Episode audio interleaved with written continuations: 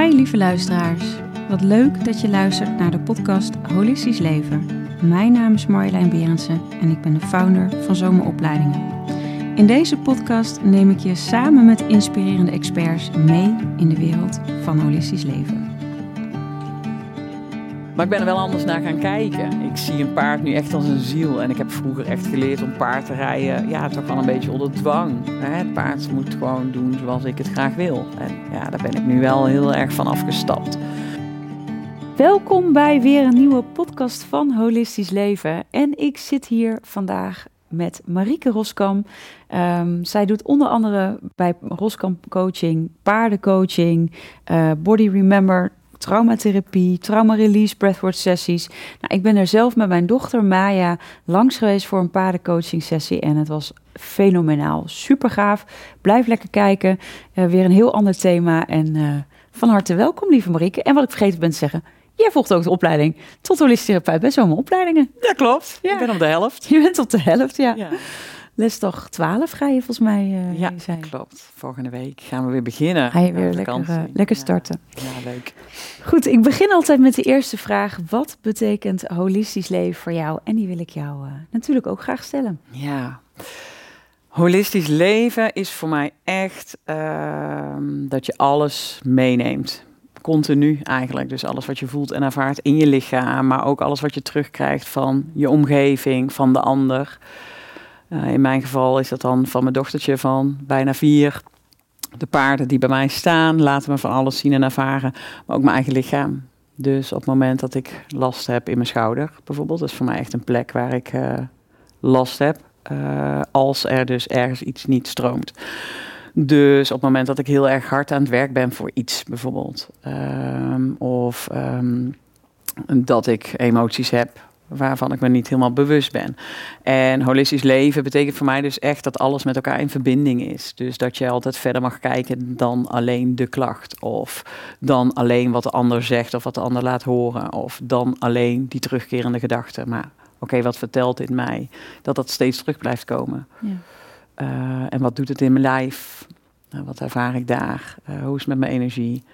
Um, ja, dus dat. Dus echt het grote geheel uh, meenemen. Dat doe ik ook zo naar mijn paarden. Dus op het moment dat ik zie dat, er, dat mijn paard bijvoorbeeld zijn voet niet goed optilt, dan kan ik denken, hé, hey, til je voet eens op, want ik wil daar iets mee gaan doen.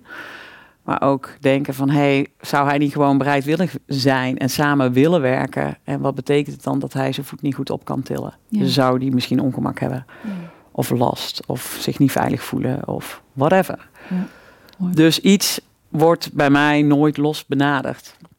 En dat noem ik wel holistisch leven. Dat je alles meeneemt, ook bij de mensen die bij mij komen. Um, gaat het vaak niet om het verhaal wat ze vertellen, maar om de energie die verandert of ja. de mimiek, de houding. Um, en daar gaan we mee aan de slag. Ja, mooi. Ik heb het mogen ervaren natuurlijk met Maya. Ja. Voordat we daarop inzoomen, hoe was je als kind? En nou neem eens mee in je levensverhaal tot daar waar je nu staat.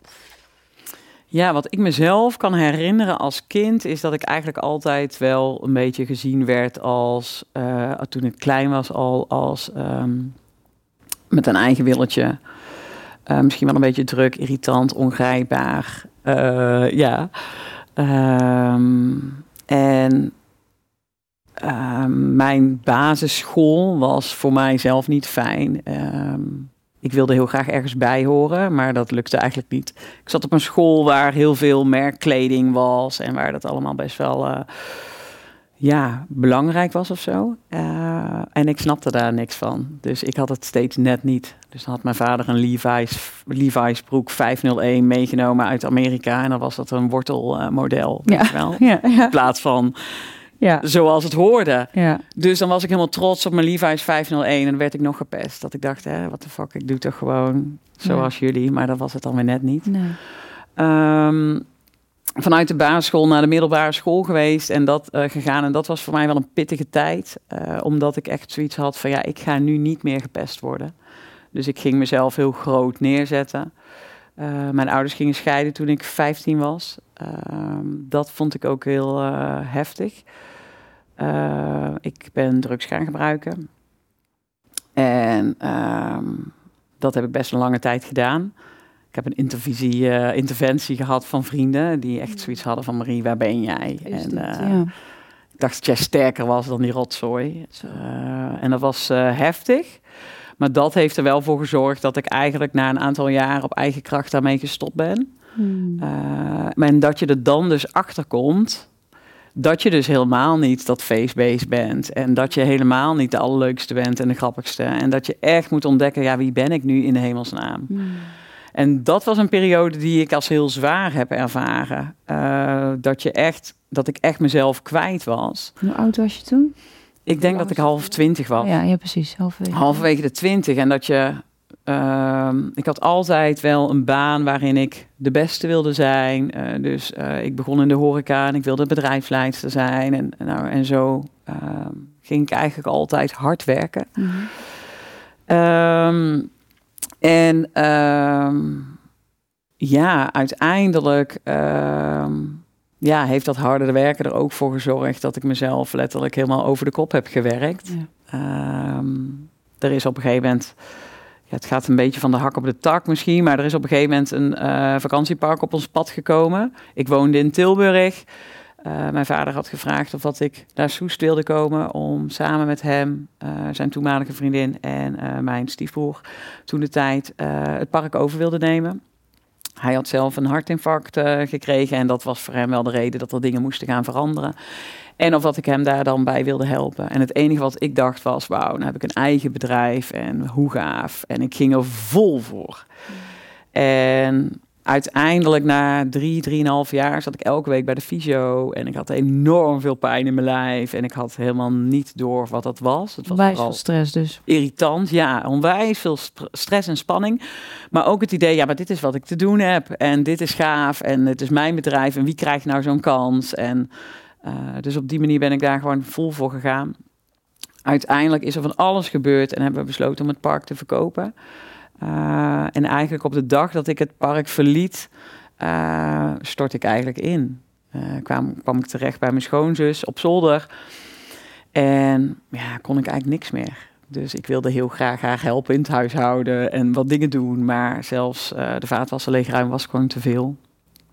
Ehm, ik was helemaal overprikkeld. Dus uh, geluid kwam echt extreem hard binnen. Ik had heel de dag het liefst oordoppen in. En uh, ja, en toen zijn paarden op mijn pad gekomen.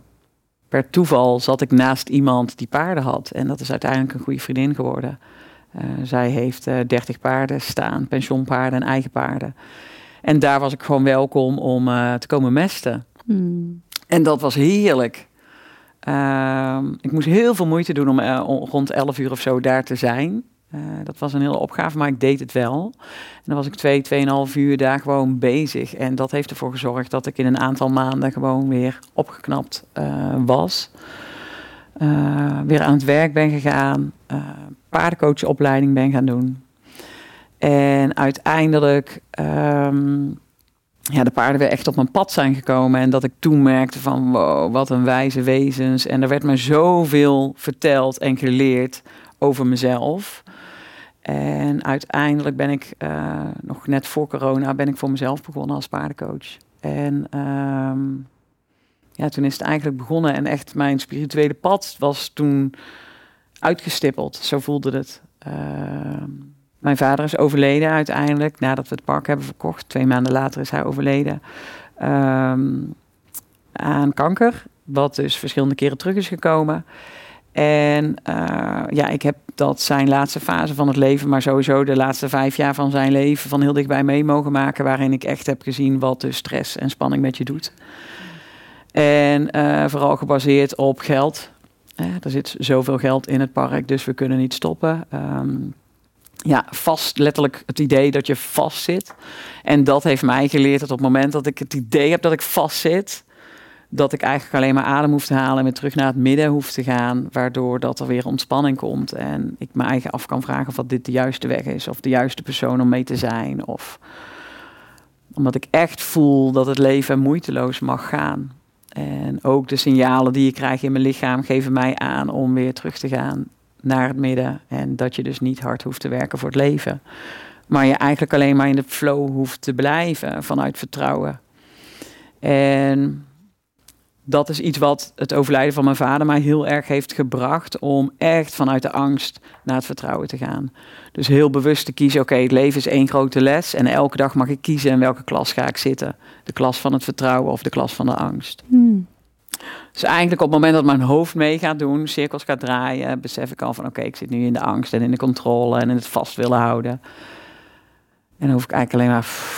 Even in, doorheen te ademen en te zakken. En dan is er niks meer. Ja. En in het moment is eigenlijk alles goed. Hmm.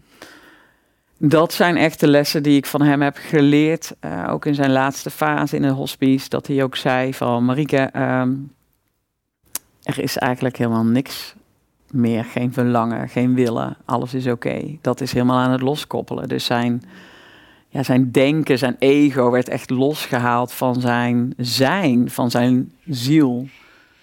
Uh, Vrijding voor hem dus. Ja, het, het, leek wel gewoon drie delen. Van je hebt het lichaam, de ziel en, en de gedachtes.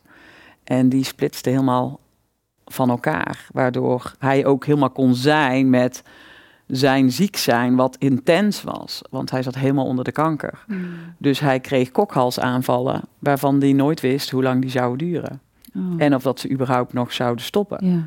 Ehm, want dat was gewoon een uh, trigger van, een, uh, ja, van kanker die op een een of andere trigger zat, waardoor dat hij ging kokhalzen. En hij ging daar gewoon doorheen. En als het klaar was, was het ook klaar. Dan was hij niet bang voor de volgende. Nee, nee. En dan, ja, die was zo daar in het moment. En dat heeft mij zo, zoveel uh, geleerd. ja, om bij een proces van iemand die overlijdt te zijn. En dat zelfs al ben je doodziek, heb je altijd alles nog zelf in de, in de hand. Ja. En ook dat mag moeiteloos gaan. Mm. Vanuit vertrouwen. Mm. Ja. Ja, en dat is dus ook wel weer die link naar de paardencoaching, hè?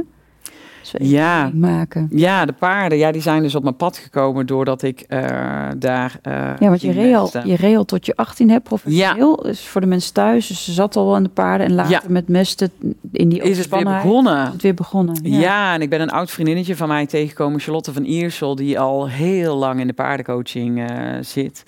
En zij kwam bij mij op het park met haar gezin. En toen zei mijn vader, hoe dan ook, jij gaat zorgen dat Marieke met jou gaat paardrijden weer. Mm. En toen hebben we een proeflesje gedaan, met z'n tweeën, een privéles. En dat was de eerste keer dat ik na jaren weer op het paard zat. En ik had zo'n grote glimlach. En we zaten midden in het seizoen uh, van de camping. Dus ik zei, ja, ik kan niet mee. En dat was allemaal heel ingewikkeld. Ja. En uh, zij hadden gewoon afgesproken, je moet mee. En dat was dus ook de bedoeling. Dat ik dus gewoon weer op het paard ging zitten om gewoon weer aangeraakt te worden door ja, het paardenvirus.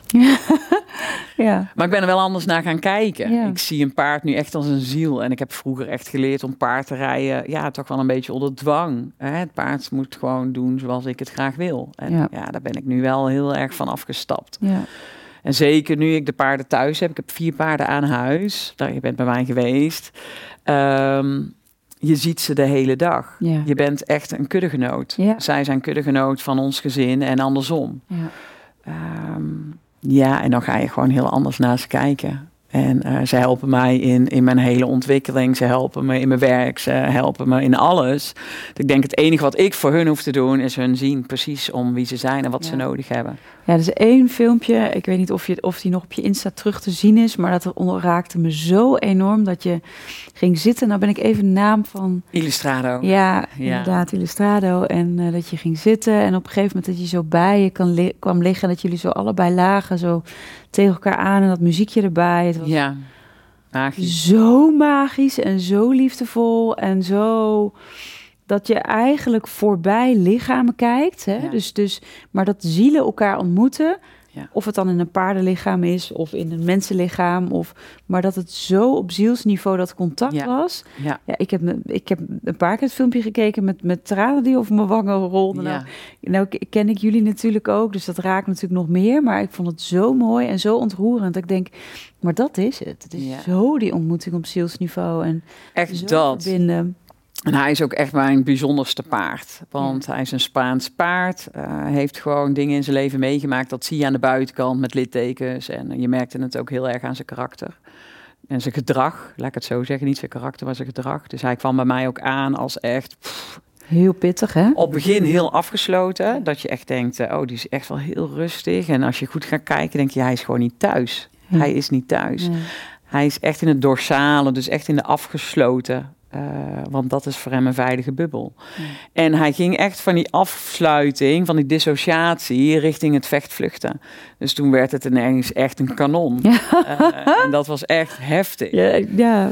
Oh. En spannend voor mij ook. En toen kwam bij mij ook heel duidelijk naar boven hoeveel angst er ineens bij mij naar boven kwam.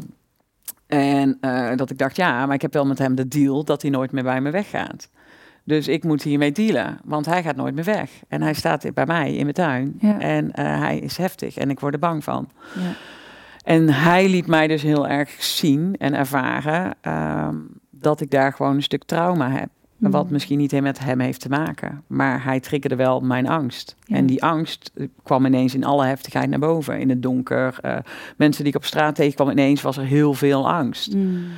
En toen is echt het hele stuk trauma bij mij getriggerd. En ben ik de opleiding eh, Body Remember Traumatherapie gaan doen bij Inner Journey. En daar heb ik heel veel boosheid losgelaten. En toen kwam ik er ook achter van, hé, hey, dat zijn emoties die aan elkaar gekoppeld zijn. De boosheid en de angst. Ja. Doordat ik heel veel boosheid heb losgelaten, verdween bij mij de angst echt als sneeuw voor de zon. Mm. Eh, zeg ik dat goed? Ja, ja, ja, sneeuw voor de zon. goed. Ja, ja, zeg je goed. En ehm, Want waar zat er zoveel boosheid op? Wil je er iets over delen? Of? ja, echt het stuk niet gezien zijn om wie je bent. Dus echt dat gevoelige meisje. Ik was een beetje Zo sensitief. ongrijpbaar voor mijn ouders, denk ik, heel erg. En vanuit mijn vader altijd geleerd om ja, dat het niet, nooit goed genoeg is. Mm. Hè, dus eh, het ging altijd over de cijfers die niet goed waren. Ik kan me ook nog herinneren als ik dan thuis kwam en, en vertelde dat ik een akkefietje had gehad met iemand of met een leerkracht. Dat het dan eigenlijk wel was van ja, maar dan zal jij wel dit of dan zal jij wel dat. Dus echt dat basisvertrouwen en de basisveiligheid thuis. Dat ik helemaal oké ben, precies zoals ik ben. En dat mijn ouders trots zijn op mij. En, en echt die veilige bedding geven dat ik altijd bij ze terecht kon. Die, die, Die heb die, ik niet ervaren. ja. Die heb ik echt niet ervaren. En ze hebben het met de allerbeste bedoelingen gedaan, maar ik heb het niet zo ervaren. En ik denk dat daar heel veel boosheid zat. Van hallo, ik ben gewoon hier. Precies, ja. Zie mij gewoon om wie ik ben, want ik ben wel oké. ja. En eigenlijk toen ik daar dus echt meerdere keren dwars doorheen ben gegaan, ook op Terra Nova, eh, ook met ademsessies heel veel losgelaten, ben ik veel rustiger geworden. En ik zag het direct bij Illustrado. Hmm. Die, die, die, die, die zakte echt in het vertrouwen van hè hè. Ze is er. Ja, en nu kan ik er ook Ja, zijn. nu mag ik er ook zijn. Ja. Want die grootsheid had hij ook nodig, omdat ik niet in mijn kracht stond. En paarden, dat is wat paarden doen, die zetten iemand in hun kracht. Ja. Dus als jij niet in je kracht staat, dan gaan zij daarbij helpen. Als je het maar wil zien, voelen en ervaren. ja. Ja, en ik kan er niet omheen, want ik kijk heel de dag naar ze. Ik werk met ze en ik zie gewoon precies wanneer hun ja. anders doen dan, ja. dan anders. Vond ik ook heel mooi om te zien. En natuurlijk met Maya samen gedaan. Ook heel bijzonder om het, als je zoiets doet, nou ja, zeker mooi bij jou aan te raden. Om het met, met mijn dochter te doen was zo, zo'n cadeau en zo bijzonder. En begint eigenlijk, begon het al zo'n sessie met van... ah, De paarden die ze gingen ontspannen en een beetje zo bewegen. Dat je zo voelt van hoe ze afstemmen. Dat ze je echt heel erg spiegelen in dat wat er in jou leeft. Ja. ja, want bij jou was toen dat moment dat Lizzie eigenlijk heel snel, mijn kleine Shetlander, naar jou toestapte. Met haar neus heel laag naast jou ging staan. Ja, ja. En eigenlijk dat wat dat voor mij zei. Want ik zeg altijd, elke paardencoach kijkt op zijn eigen manier. Ja, Ieder, precies, er zijn heel veel opleidingen in. En ieder doet het op zijn eigen manier en allemaal vanuit de beste intentie. Ehm, en ik doe het op mijn manier. En dat is geen waarheid. Nee, maar het is gewoon authentiek jouw manier. Ja, dus als ik mijn pony zie staan met haar hoofd heel laag, ehm, dan resoneert bij mij eh, verdriet of Ja. verlies of wat dan ook. Of ongemak. Ehm, en dat zijn dingen die ik dan benoem. En niet van zij laat dit zien, Nee, maar ehm, wat betekent verlies voor jou op Precies. dit moment? en het was, nou ja, goed, het is natuurlijk inmiddels al bijna een half jaar, meer dan een half jaar geleden. Ja. Ja. Maar dat, ja, er was ook echt veel verlies ook in, op dat moment in mijn leven. Het was zo mooi dat daar de ruimte voor was. Ja, En ja. ook die verbinding, want ze kwam wel gelijk naar me toe. Ja, meteen. Echt Meteen. meteen. Ja, je was echt twee tellen in die paddock en Bam. was ze er al. Ze was ja. er, ja. En dat is wat het, eh, ja, wat het magisch maakt met de paarden. Ik had van de week een teamcoaching. En dat waren, was een team met leerkrachten. En het ging, eh zij stonden in een cirkel. Gewoon, het was ontstaan dat ze uiteindelijk in een cirkel stonden. ja. En steeds ging het over de beperking die zij soms ervaren om goed onderwijs te geven ehm, door het systeem waar ze in zaten. En elke keer als het woord systeem kwam, liep een van mijn paarden dwars door die cirkel heen. en de eerste keer, ik, ik, ik merkte het op, maar ik denk, nou ja, prima. De tweede keer gebeurde het weer. Meer mensen merkten het op. De derde keer gebeurde het weer. Toen merkte de hele groep het op. En uiteindelijk de vierde keer ging het weer over de beperking door het systeem. En weer liep het paard er dwars doorheen. En uiteindelijk zei iemand van... hé, hey, maar kunnen wij als team niet ons blijven bewegen... en ons blijven richten op dat goede onderwijs...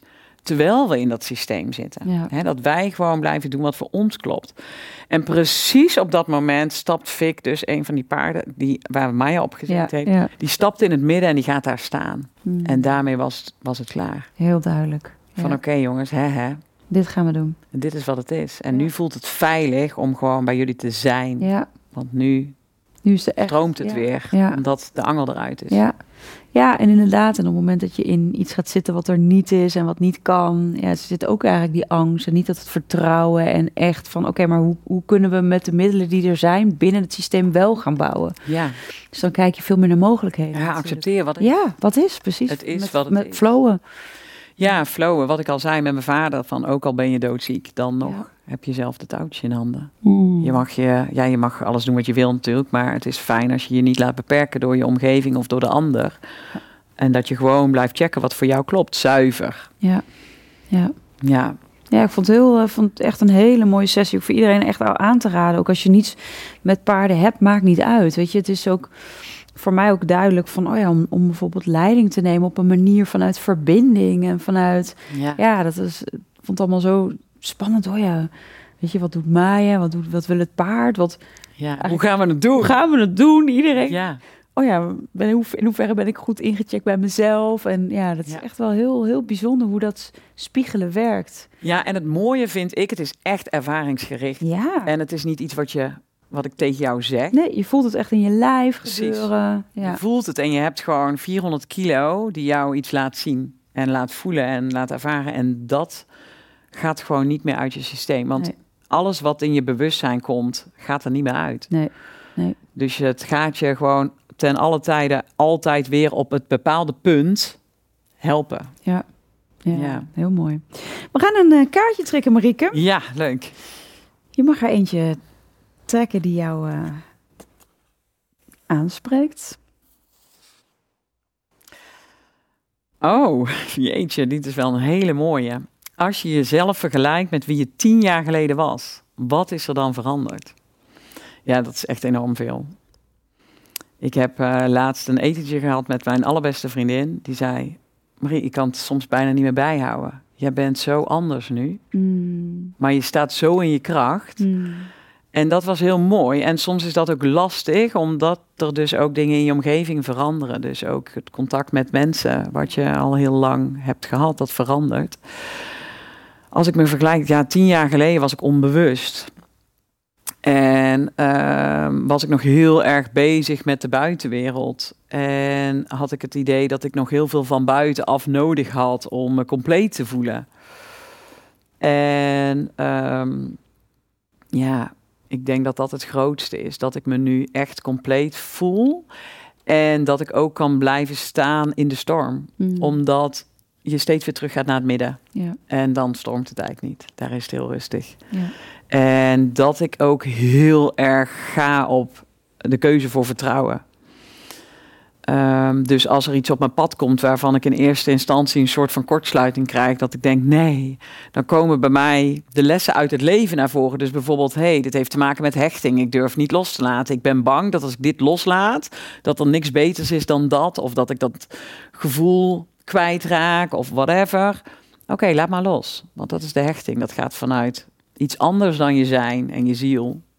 Dus dan kan ik die weer laten. En dan is er eigenlijk weer niks aan de hand. Uh, of hé, hey, stel nou dat dit de bedoeling is. Hmm. Want het leven is er voor mij. Ja. Het leven is niet tegen mij. Dus stel dat dit de bedoeling is, dan is er dus iets moois, iets beters, iets wat beter klopt, beter voelt, makkelijker stroomt. Ehm, ja, en dat, dat, ja, gewoon echt het vertrouwen. Ik denk dat dat het grootste is.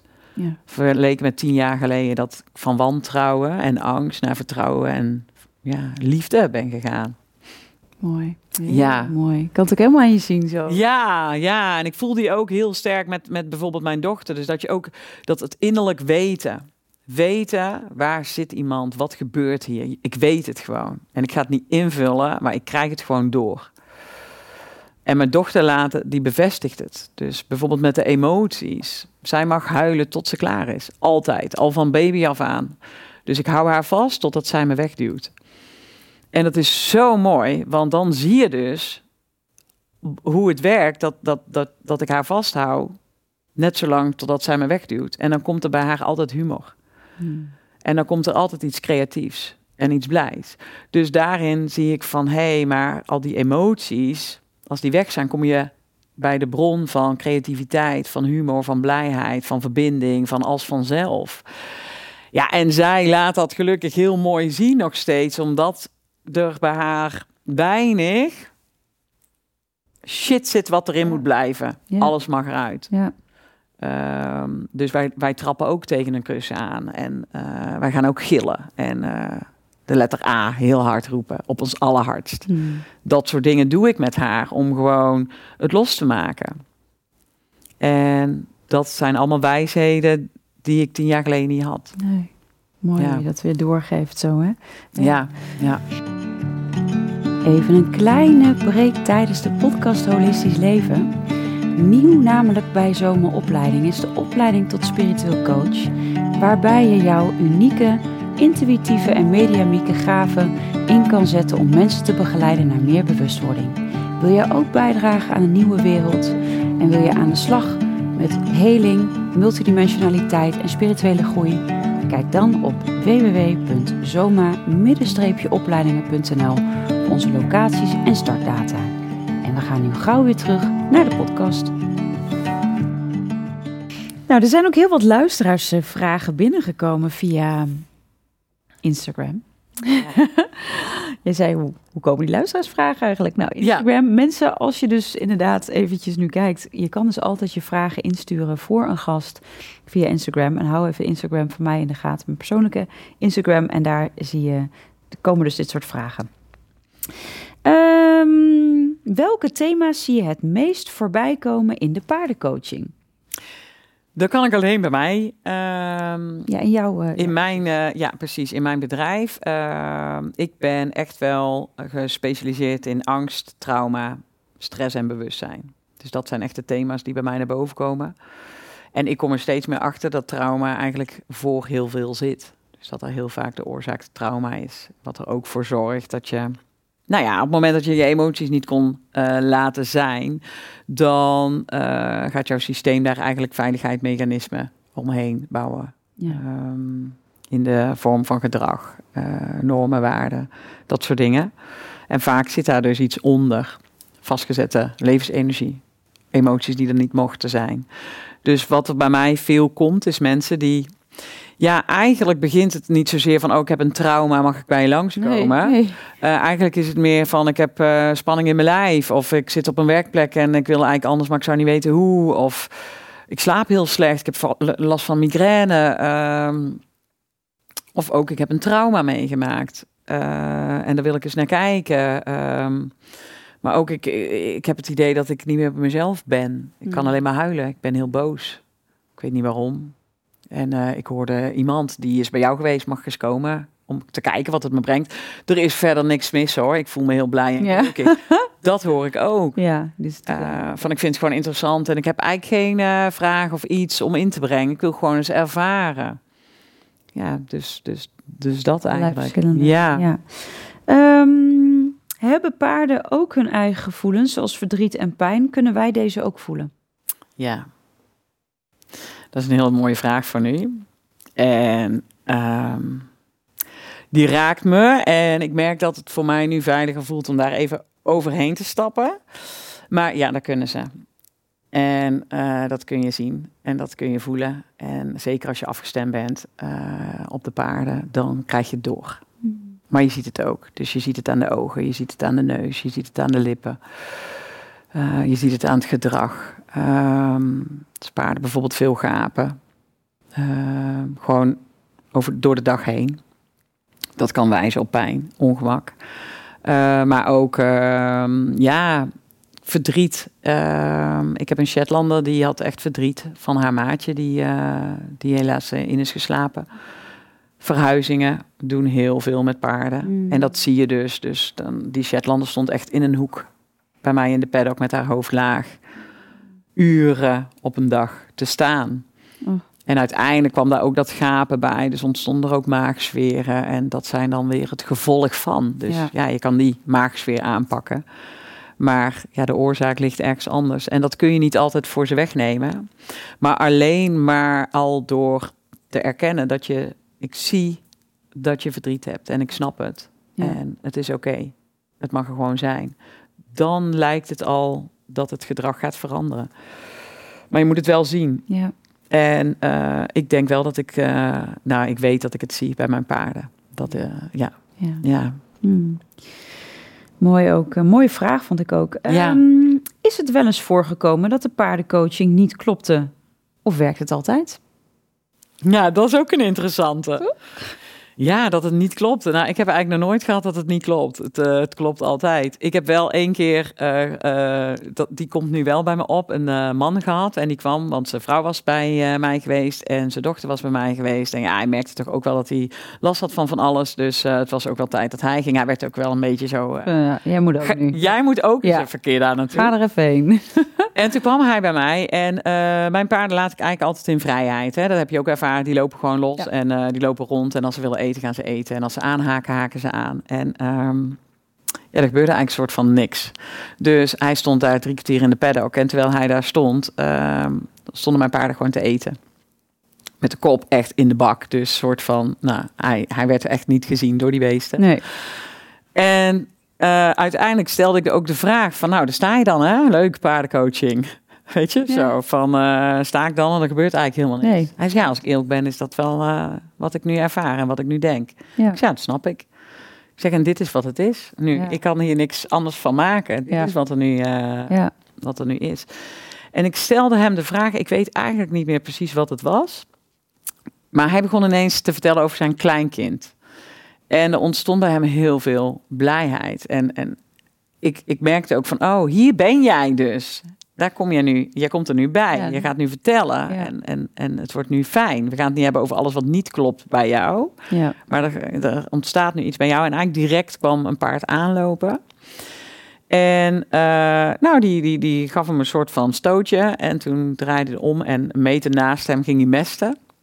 Uh, en toen liep hij door. Nou, en hij bleef eigenlijk praten. En bij mij popte iets op. Ik weet het verhaal en de context niet meer precies. Maar er popte bij mij iets op van, hé, er is iets met oude shit. Ja. Dat popte bij mij gewoon op. En een paard kan toevallig moeten mesten. Dat kan allemaal. Uh, hij popte bij mij op. En toen zei hij, zullen we afronden? En de volgende keer wil ik het heel graag over mijn ouders hebben. Hmm. Ik zei, oké, check. Gaan we doen. Ja. Dus uiteindelijk leverde het hem toch op, ja. iets op. Terwijl er gebeurde eigenlijk vrij weinig. Maar als vanzelf popte er bij hem iets op. En daar zijn we de volgende keer uh, mee aan de slag ja. gegaan. Ja. ja. ja. Mooi, mooi hoe dat werkt. Maar dat is dan eigenlijk de keer dat, dat ik... Ja, dat ja, denkt, oh, er gebeurt niks. En ik denk dat dus niet. Voor mij is het allemaal oké. Ja. En ook oké als dat bij hem is. Nee, maar bij hem, bij hem ontstond dat natuurlijk van dat hij denkt, nou... Ja. Daar sta je dan. Ja, is dit het nou? Is dit het dan? Ja. Lekker, ze zijn gewoon aan het eten. Ja, en weet je wat het kost? Ja. Hallo jongens, ik weet niet, maar uh, kom ja. vier. Ja. ja, bijzonder hoe, dat, ja. hoe, je dat ook, hoe je dat ook aangeeft. Um, kan een paard ook een representant zijn, zoals bijvoorbeeld een familieopstelling? Zeker. Ja, daar heb ik echt hele mooie dingen mee uh, meegemaakt. Ja, want dat hebben wij niet zo gedaan. Toen, Nee, nee, ja, ik denk Ja, niet dat ontstaat, het... Ja, precies, het wat ontstaat. ik kan doen. Ja. Ik heb ook geen systemische opleiding. Nee. Dus het is niet zo dat ik zeg, hé, hey, eh, wij doen familieopstellingen. Eh er zijn heel veel collega's die dat doen. Ik eh, in principe niet, maar soms ontstaat het.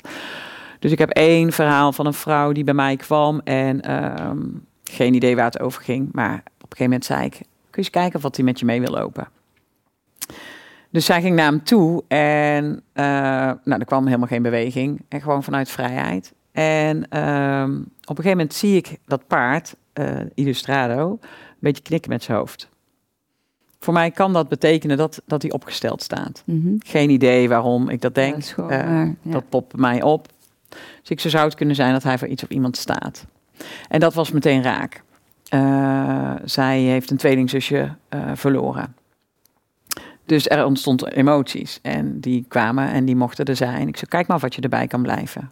En dat het er helemaal mag zijn, nu in dit moment. Hmm. En nou, op een gegeven moment was ze rustig en ze was aanwezig. En toen zei ik, kijk eens of wat je nu een stukje kan bewegen en of wat hij met je meeloopt. Nou, en toen ging hij natuurlijk met haar alle kanten op. Want dat was hetgeen wat er soort van voor zat. Ehm, dus ja, dan, dan is dat toch een soort van opstelling. We hebben het ook een keer gehad met een team. Die was ook heel bijzonder. Die kwamen bij ons en die hadden een heel programma. En in de middag kwamen ze bij ons na de lunch. En eh, Charlotte van Iersel begeleidde samen met mij dat team. En zij is heel erg systemisch eh, minded in alles. Eh, zij, ziet, zij ziet alle haakjes en linkjes. Ja. En heel mooi. En zij vroeg eigenlijk of wat het hele team wilde staan ehm, in jaartal van in dienst treden. Dus dat ze gewoon Ja, op de systemisch gingen ja. staan. Ja. op de volgorde dat zij in dienst getraind waren. Dus dat team stond daar, waren elf mensen. En ze stonden daar en een van de paarden, die ging eigenlijk tussen twee mensen instaan. Helemaal met zijn hoofd helemaal laag. Mm. En toen zei, eh, vroeg Charlotte van wie of wat mist er op die plek. En toen bleek dus dat tijdens de lunch een collega was geweest die een afscheidsbrief had voorgelezen. Waarin zij dus eh, aangaf dat ze ongeneeslijk ziek was en kwam te overlijden. En zij had dus die dag afscheid genomen van haar collega's. Zo. En zij hoorde precies tussen die twee collega's in te staan. Oh, ik heb wel. Ja. Ja. En op het moment dat dat duidelijk was, stapte hij daar ook uit die plek. Maar je zag dus ook echt met dat hoofd laag. Ik heb ook kippenvel met dat Ja, hoofd dat- laag. Het verdriet, ja. Het verdriet en het verlies en de dood eh, Ja. eh, daarin eh, terugkomen. Dus ja, dat was echt een. ja, Ja. En, en het hele team was ook echt even helemaal van slag. Dus daar Ja. moesten we ook echt even Echt, echt aan. een moment voor nemen. En Charlotte kon dat super mooi begeleiden om die persoon er ook gewoon even bij te betrekken, want die was gewoon aanwezig. Ja, natuurlijk. Ja, Jeetje. Dus, eh, ja, dus zeker Heel kunnen ze dat. de ja. paarden. Ja, Ja. ja, ja, ja, ja. Ehm, even kijken. Nog één laatste. Ja, dan ga ik voor deze kies- kiezen. Waarom zijn paarden zulke krachtige spiegels voor ons als mens? Ik denk, omdat ze niet denken. Hoor je dat? Ik denk dat ze niet denken, ja. Ja, dus ze zijn Ja, gewoon Ze zijn in het nu. in het nu, altijd het oordeelloos Ja. aanwezig. En daarom zijn zij gewoon zoveel wijzer dan dat wij zijn. Hmm, Ehm, zoals ik er naar kijk. Ja. Voor mij is ons hoofd ja, heel fijn hoor. Dat je verder kan helpen om over dingen na te denken die praktisch zijn, om het zo maar te zeggen. Maar dat hoofd beperkt ook ons ook heel erg. En zij hebben dat hoofd niet. Zij haken aan. Mm, en daarin eh, denk ik dat zij dus die krachtige wijze wezens zijn die ons spiegelen. Ja. En dingen laten zien en ervaren waar we zelf niet altijd bij kunnen. ja. In dat moment of nog niet bewust van zijn. Mooi hè, hoe dat werkt. Mm. Ik, ik, ik- iets, heel kort even iets. Ik ben normaal niet zo van het delen in een podcast. Maar ik denk, ik vind dat wel even mooi om nog te delen. Ik heb ehm, vorig jaar met mijn dochter was ik, wa- waren we in Gran Canaria. En daar, was, ehm, er waren dolfijnen waar we mee konden zwemmen en mee konden zijn.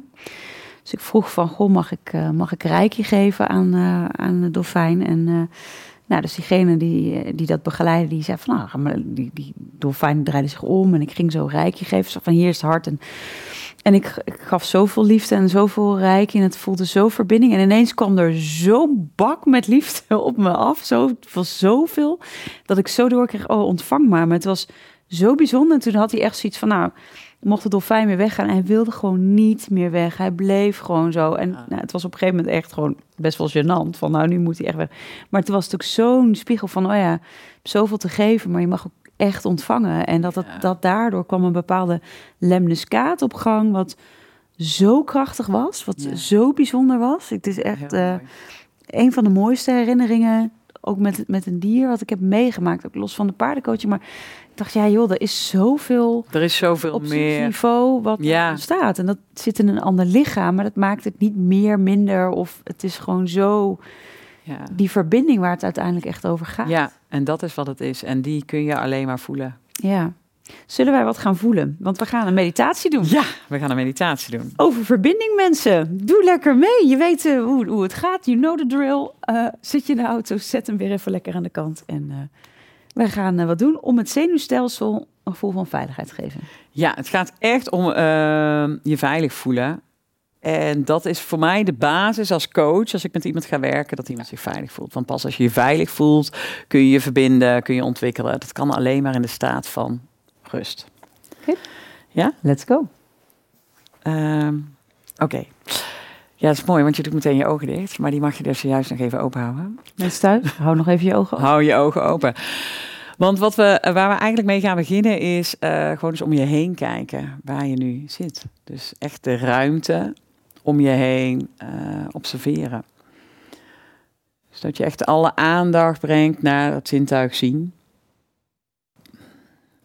En dat je ook, als je hmm, de ruimte voor jezelf goed bekeken hebt, waar je bent, zit je in de auto. Nou, bekijk de auto, maar bekijk ook zeker door het raam wat je daar ziet. Hoe je erbij zit, staat, of het veilig is, überhaupt. En nou, wij zitten hier in de ruimte, dus dan vind ik het ook altijd fijn om elkaar even aan te kijken.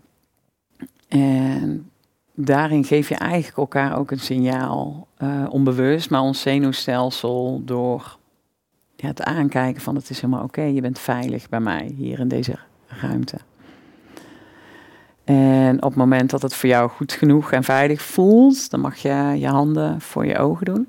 En dan mag je je ogen sluiten. Oh, even mijn oortje weg.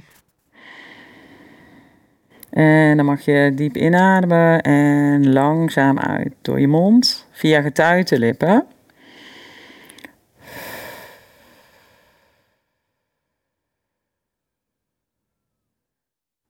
En wat je eigenlijk doet na de uitademing, dan wacht je tot je lichaam als vanzelf weer inademt.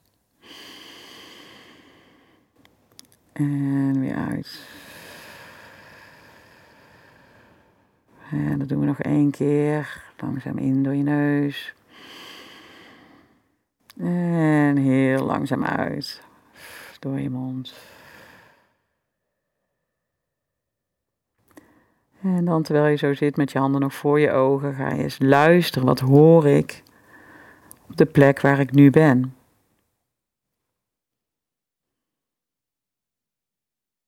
Misschien is het zo stil dat je ook je eigen adem kan horen of het moment dat je slikt.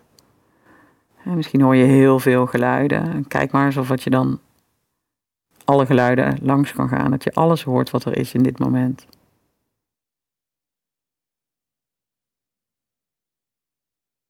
En hiermee help je dus ook jouw zenuwstelsel, wat eigenlijk continu aan het scannen is de hele dag door of dat iets veilig is of niet veilig. En hiermee help je eigenlijk het zenuwstelsel om te zeggen: het is hier helemaal oké en veilig. Dat doe je ook door middel van de ademhaling. Het uitademen zorgt ook dat je in de ontspanning komt. En dan ga je vanuit het horen, ga je met je aandacht naar, terug naar je handen. En wat je dan mag doen, terwijl je je ogen gesloten houdt, is eigenlijk met je handen gewoon eens je gezicht voelen. En dat kan zijn door met je vingers te tappen op je hoofd. Het kan ook zijn dat je gewoon zachtjes wrijft over je wangen. En dan naar je kaak. En dan kom je bij je, ja, je keel, je nek en achter je oren. En dan langzaam met je handen op je schouders. En dan leg je eigenlijk alle twee je handen op je schouders. En dan voel je voor jezelf van, hé, hey, hoe zijn mijn schouders op dit moment? Misschien zitten ze nog een beetje gespannen omhoog. En misschien voel je Dat ze nog wat hard zijn, dat ze wat, liever wat lager hangen. Dus kijk of dat je wat ontspanning kan brengen naar je schouders. En dan ga je langzaam met je rechterhand naar je linkerarm. En dan ga je je linkerarm voelen. Je bovenarm, je elleboog, je onderarm en je hand. En dan masseer je je hand een beetje. En dan ga je eigenlijk zo van je linkerkant naar je rechterkant. Dan pak je met je linkerhand je rechterhand vast. En dan ga je via je onderarm richting je elleboog, je bovenarm, naar je schouder. En dan zo langzaam met twee handen op je borstgebied. En dan voel je hoe het daar is. misschien kun je bij je borstgebied voelen dat je ademhaling daar steeds langskomt. En dan kun je ook observeren, komt mijn ademhaling uit mijn buik, onderbuik, via het midden van mijn buik, richting mijn borst. Of misschien zit je ademhaling wel alleen in je borstgebied. Alles is oké. Hoeft het alleen even waar te nemen. En dan ga je langzaam weer verder met je handen langs je borst. Midden van je buik. Je onderbuik. En dan laat je je handen even op je buik liggen. En dan voel je hoe is het op dit moment in mijn onderbuik. Voel ik daar de adem? Zet mijn buik heel erg op of, of, valt het mee als ik ademhaal? Of misschien voel je überhaupt je ademhaling niet in je buik. is helemaal oké. Wat heel erg kan uh, helpen met betrekking tot de ademhaling is soms voorstellen dat, er, dat je longen in je buik zitten. En dat je die longen comfortabel vol maakt. En dan langzaam weer leeg laat lopen. Dat kunnen we ook wel even doen. Haal maar weer diep in, uh, in door je neus. En lang uit.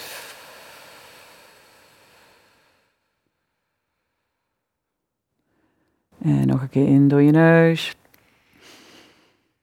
En uit. En dan ga je langzaam met je handen weer over je benen, je bovenbenen. De zijkant van je bovenbenen.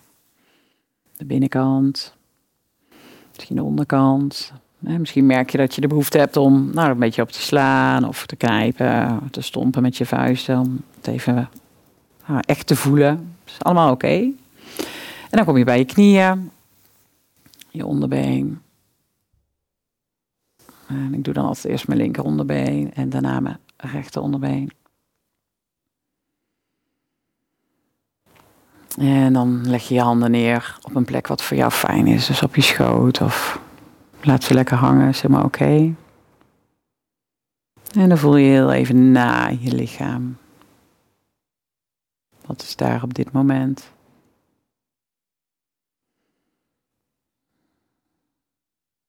En dan stel je je voor dat je bovenop je kruin, dat je daar eigenlijk een, nou, een deurtje hebt die je open kan zetten. En ik zeg dan altijd, trek je laborantjas aan, haal hem van de kapstok, trek hem aan en duik je eigen laboratorium in. Dus klep je open, misschien moet je een trapje af en kom je dan in je hoofd. En hoe is het in je hoofd? Zijn daar misschien nog gedachten of is het daar donker? Misschien is het juist heel licht. En misschien zie je beweging. Misschien merk je dat je ademhaling omhoog gaat. Dat je in je hoofd zit. Kijk nou of wat je gewoon kan observeren wat daar is in dat hoofd. En als er gedachten zijn, dan stel je gewoon voor dat je heel groot groen weiland staat. En elke gedachte is een paard die voorbij komt. Dus bijvoorbeeld er komt een groot wit paard voorbij. En dat is de steeds terugkerende gedachte. En haal je dat paard naar je toe en dwing je eigenlijk dat paard om bij je te blijven. Of mag dat paard ook gewoon weer verder. Dus kun je die gedachte ook gewoon weer laten gaan. Dus oké, ik zie jou. Je mag er zijn. Je mag ook weer door. Zodat jij gewoon in het lege midden, groene weiland blijft staan. En de paarden ook gewoon aan je voorbij mogen gaan, zonder dat jij er iets mee hoeft. gewoon weer vrij kan laten. En dan gaan we weer terug naar het hoofd, naar de hals, je hals, je keel.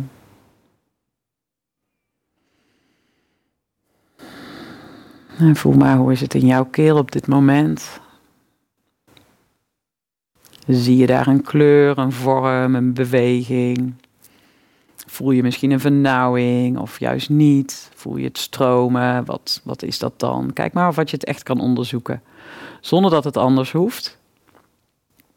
Gewoon als die laborant in jouw eigen laboratorium. En dan ga je verder naar je borstgebied.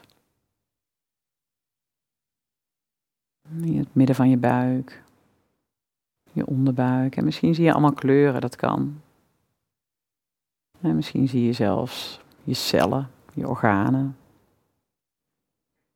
Het is allemaal oké.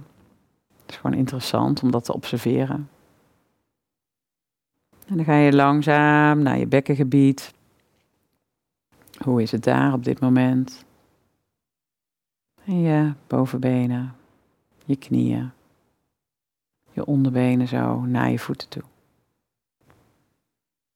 En dan gaan we onder je voeten, zet je ook een luikje open. Daar kun je er weer uit. En dan nodig je alles wat in jouw lijf en in jouw systeem zit, wat jou niet meer dient in dit moment, nodig je uit om gewoon lekker via je voeten terug de aarde in te gaan. En stel je maar voor dat je zelfs ook je cellen openzet, dat alles wat daarin zit niet van jou is, jou niet dient in dit moment, gewoon terug de aarde in mag, vanuit liefde en verbinding. En misschien kun je het voelen stromen, dat er nu van alles uitgaat. En dat er misschien ook weer nieuwe energie inkomt. Misschien in de vorm van een kleur of een substantie of whatever. Stel je maar voor dat alles wat je nodig hebt in dit moment, dat dat naar je toe komt. En alles wat jou niet meer dient, dat dat gewoon uit je gaat. Terug de aarde in. En dan mag je nog een keer diep inademen door je neus. En uit.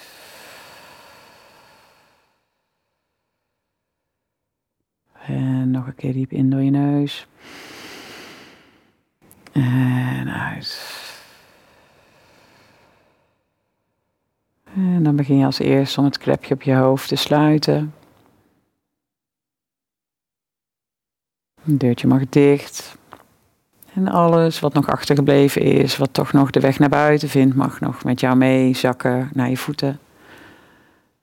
En terug de aarde in. En dan sluit je ook het klepje onder je voeten. En dan wrijf je met je handen over elkaar. En dan mag je die weer op je ogen leggen.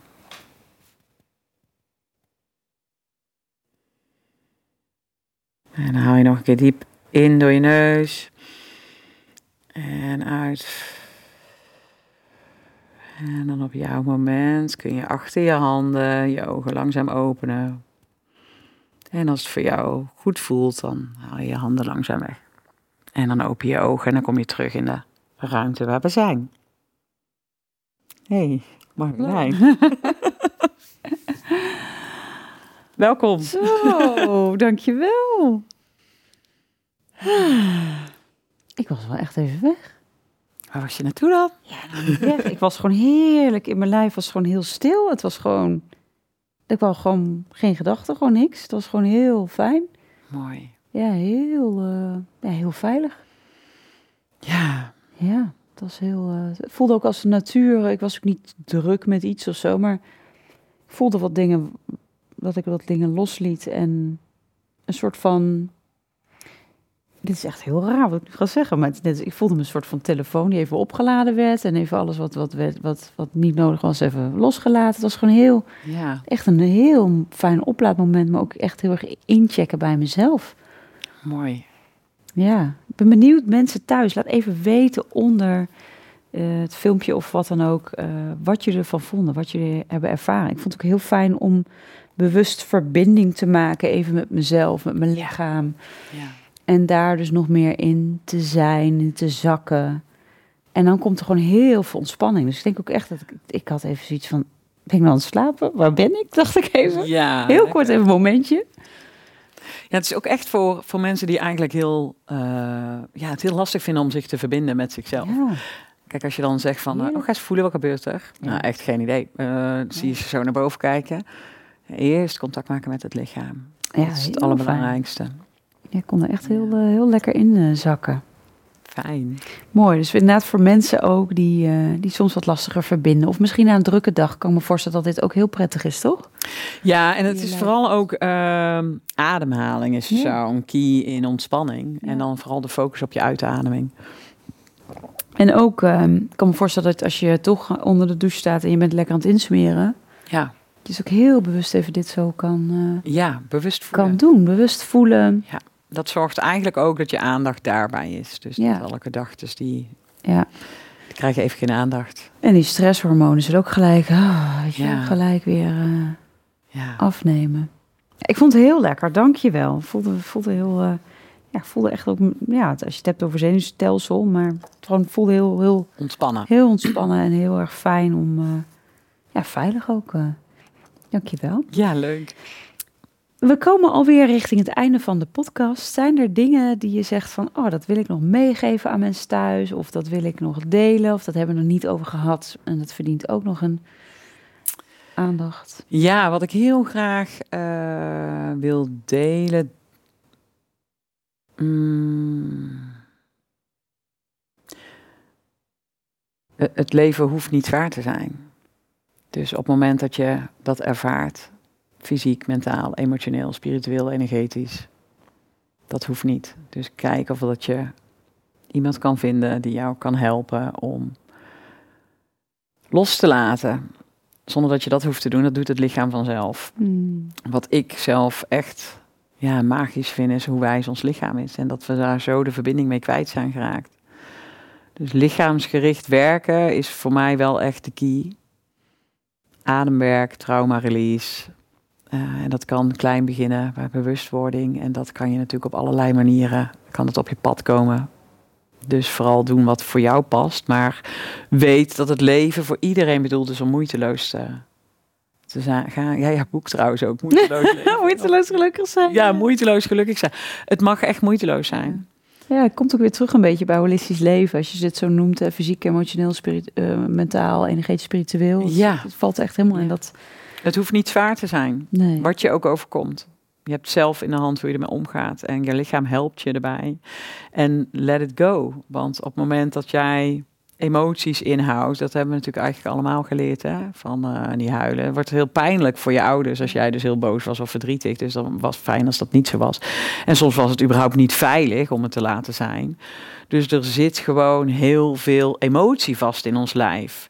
En als je je lichaam toch eens gunt om dat los te laten, dan gaat je leven ook wat moeitelozer. Ja. En meer als vanzelf, ja. Dus ik gun echt mensen om met het lichaam aan de slag te gaan. Ja. En bij mij kan dat vanuit de paarden richting de body remember therapie. Ja. Eh, en dan ga je echt heel eh, grote En- stappen maken. En hoe ga je de holistisch therapeut eh, hiermee combineren? Want je bent nog niet helemaal klaar, maar... Ja, een holistisch therapeut. Wat ik daar heel mooi van vind, is dat je daar allerlei facetten hebt waar je je ding uit mee kan pikken. Dus bij sommige dingen ga je aan, dat voel je, daar wil je meer over weten. En andere dingen hm, gaat langs je af. Eh, daar doe je niet zoveel mee.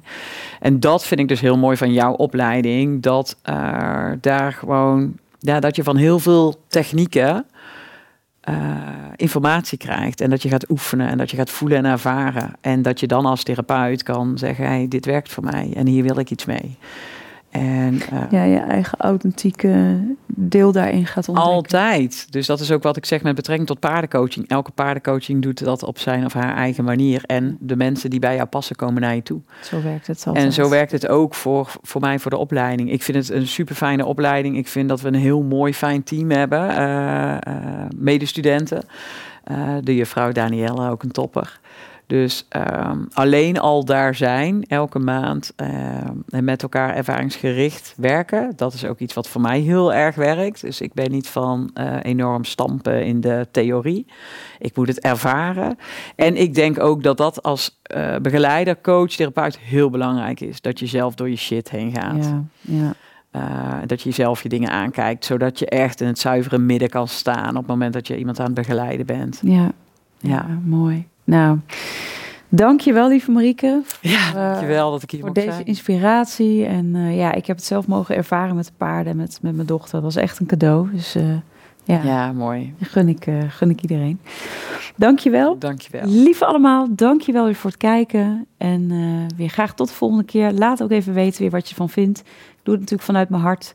Um, leuk als dat ook gesteund wordt en gedeeld wordt. Zo uh, maken we de wereld ook weer een stukje mooier, bewuster, liefdevoller. En voor nu een hele fijne dag. Tot volgende week. Doeg! Dankjewel voor het luisteren naar de podcast Holistisch Leven. Holistisch Leven is een prachtige ontdekkingsreis.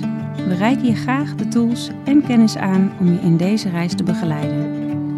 Ben jij door deze podcast geïnspireerd om de volgende stap richting een holistisch leven te zetten? Kijk dan op onze website www.zoma-opleidingen.nl voor meer informatie over de cursussen en opleidingen die we aanbieden. Je kunt je daar ook inschrijven voor onze nieuwsbrief. En vind je deze podcast leuk? Volg ons dan via je favoriete podcast-app of abonneer je op ons YouTube-kanaal. Zo verspreiden wij samen meer licht, liefde en bewustwording en maken we de wereld een stukje mooier. Tot volgende week!